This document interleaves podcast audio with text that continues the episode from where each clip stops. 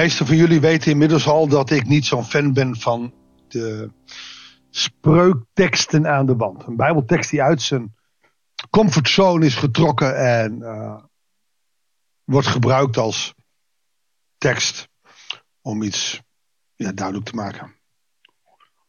Ook de wijsheden van grootmoeders. Het zijn teksten waar ik niet zoveel mee kan. That, that's me. En toch heb ik op mijn studeerkamer een, weliswaar geen tegeltje, maar een, een geprinte poster hangen. Met een tekst die komt uit het gedeelte van vandaag. En dat vind ik een indrukwekkende tekst. En geeft iets weer over de houding die wij als gelovigen zouden moeten hebben ten opzichte van God. Oftewel, zijn wil volgen en doen wat hij je vraagt. En dan weet ik wel, niet iedereen hoort zijn stem. Maar lees de Bijbel maar eens, er staan opdrachten zat in. Ik hoor wel eens van mensen die mijn podcast of, of mijn preek luisteren. elke keer zit er een opdracht in. Kies eens welke opdracht bij jou past. Je hoeft niet alles te doen. Maar stap wel uit. Doe iets wat God van je vraagt. Ik zal je straks laten voelen welke tekst het is. Goeiedag, hartelijk welkom bij een nieuwe uitzending van het Bijbels Dagboek. We gaan lezen 1 Samuel 3, vers 1 tot en met 10. 1 Samuel 3, vers 1 tot en met 10. Op de zaterdag staat het vervolg je nog op. Als je het wil volgen, want we lezen vrij veel uit 1 Samuel, moet je dat voor jezelf even lezen. Uh, dan zie je dat Samuel zijn eerste zware opdracht krijgt. Maar nu vers 1 van 1 Samuel 3. De jonge Samuel diende dus de Heer onder de hoede van Eli. Er klonken die tijd zelden woorden van de Heer en er braken geen visioenen door. Wat mensen wel eens vragen, en waarom gebeurt dat nu niet meer? Nou, ik, ik had laatst, kreeg ik daar een heel mooi antwoord op. Ik had een uh, dienst voorbereid met kerst, ook rondom vreemdelingen. En weet je dat mensen, uh, christenen in Iran, heel veel visioenen krijgen? Ik heb zelf van Johan Rosenberg een serie boeken gelezen. En weet je dat in die tijd van, van de visioenen, of, in landen als, als, als uh, Iran, Irak, uh, daar waar de Bijbel niet mag, daar waar je niet openlijk christen mag zijn, dat God daar nog steeds met visioenen en dromen werkt? Weet je dat het nog steeds veel gebeurt, maar dat wij dat minder hebben. Waarom? Omdat we A, daar minder gevoelig voor zijn. B, bij de Bijbel hebben. Wanneer Iraanse vluchtelingen hier komen en in contact komen met de Bijbel, dan zullen ze ook de dromen gaan vergeten of de dromen niet meer krijgen. Dat vinden ze zowel jammer als dat ze heel blij zijn met de Bijbel.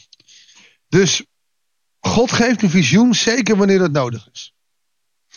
Op zekere nacht lag Eli op zijn slaapplaats. Zijn ogen waren dof geworden. Hij kon bijna niet meer zien. Samuel lag te slapen in het heiligdom van de Heer bij de ark van God. De godslamp was nog niet gedoofd.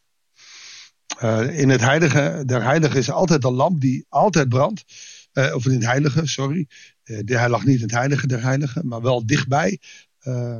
waarom hij daar sliep, weet ik niet. maar dicht bij de ark van God, dicht bij God. Dan groei je ook heel erg mooi op met God. Daarom moeten wij onze kinderen ook dicht bij God brengen. Maar goed. Toen riep de Heer Samuel. Ja, hier ben ik, antwoordde Samuel en riep snel naar Eli toe en zei: Hier ben ik, u hebt me toch geroepen? Maar Eli antwoordde: Ik heb je niet geroepen, ga maar slapen.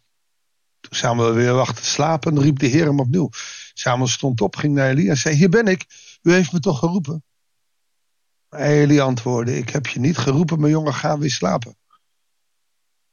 Samuel had de Heer nog niet leren kennen, want de Heer had zich niet eerder aan hem bekendgemaakt door het woord tot hem te richten. Oftewel, Samuel kende God nog niet vanuit zijn stem.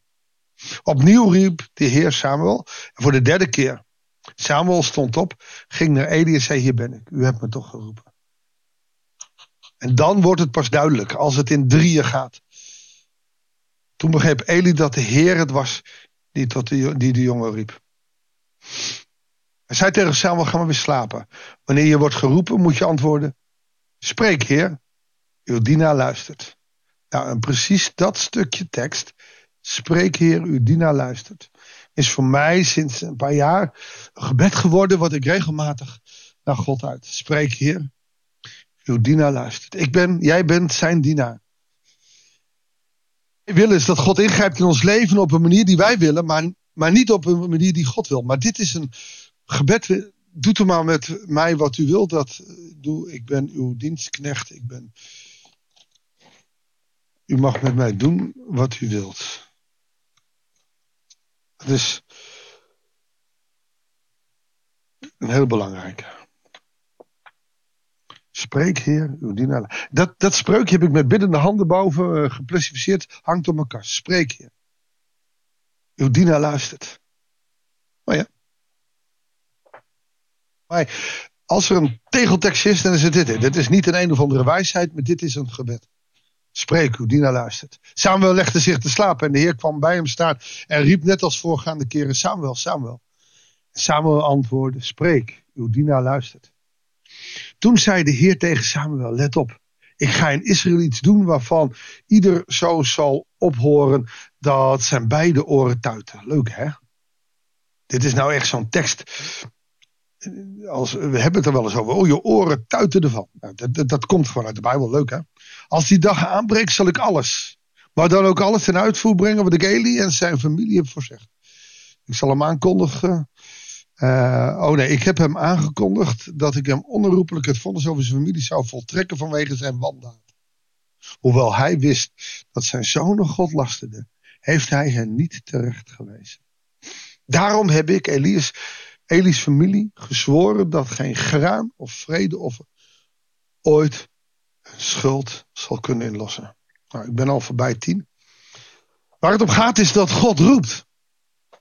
En God roept Samuel. Ik ga iets verder omdat God Samuel roept. En de eerste taak die Samuel is, is, is om Eli te vertellen: je gaat dood en je kinderen gaan dood en alles. God gaat zijn plan, die hij aan jou geopenbaard gaat hij voltrekken. Dat is de eerste boodschap. Hij zal hier acht, negen, tien jaar zijn, weet ik veel wat. Dat staat er niet bij. Hij krijgt elk jaar een manteltje van zijn moeder. En, en de eerste taak voor God wordt: nou joh, slecht nieuwsgesprek. Is niet voor opgeleid. Lees maar in het vervolg, dan gaat Elise zeggen: Ik wil alles weten wat God je gezegd heeft. Maar het belangrijkste voor deel van vandaag is: God roept ons. Weet je dat God jou roept? Maar dat wij, wij hem haast niet meer willen horen. Weet je dat God in heel veel gedeeltes jou roept in de Bijbel? Maar dat wij zeggen, ah, dat was van vroeger of dat is niet voor mij. In ons land is de vrijzinnigheid, dat groeit enorm. We geloven wel iets in God. Maar dat het persoonlijk wordt, nee, dat toch niet. In het gereformeerde traditionele geloof is het ook dat wij allen de bruid van God, maar geen persoonlijk geloof hebben. Ik geloof wel dat wij een persoonlijk geloof hebben. Dat God jou ook persoonlijk kan roepen. Ik heb een keer hartstochtelijk gebeden. En ik kreeg een heel teleurstellend antwoord. En ik ben tot op de dag van vandaag blij met dat antwoord. Ik wilde heel veel en God zei: Doe maar gewoon je ding. Ik ben met je. Ook dat is antwoord. Maar gewoon je ding. Samuel wordt hier geroepen. Tot drie keer toe. En eerst wist hij het niet. Wij zijn ook niet gewend dat God ons roept. Laatst kreeg ik een mail met iemand die had een droom. Ik kan die droom niet plaatsen omdat het zo niet bij mijn leven past. Het ging over mij. Ik weet ook niet wat ik ermee moet. Toch heb ik ook wel dromen van mensen kunnen uitleggen. Als je luistert naar God, als je echt in zijn liefde wil staan, dan hoor je op een gegeven moment wat de ander droomt en wat het kan betekenen. Eén ding weet ik zeker. Als jij dagelijks de Bijbel leest, dan zijn er teksten waarin jij wordt geroepen. En dan hoef je niet meteen op weg naar uh, Siberië om daar het evangelie te vertellen. Het kunnen kleine dingen zijn, als barmhartigheid, als het je buren vertellen. En sta er eens voor open. Ga het eens doen. En ontdek dat de Heer goed is. En dat Hij je wil zegenen. We gewoon gaan bidden. Heer, geef ons een open hart. Zodat wij uw roepstem kunnen horen. Of het nou door de Bijbel is, of rechtstreeks, of via anderen. Heer, open ons hart op dat uw roepstem in ons hart ook kan klinken. En dat wij kunnen zeggen, spreek Heer. Uw dienaar luistert. Amen. Dankjewel voor het luisteren. Ik wens je God zegen en heel graag de volgende uitzending van het Bijbelsdagboek.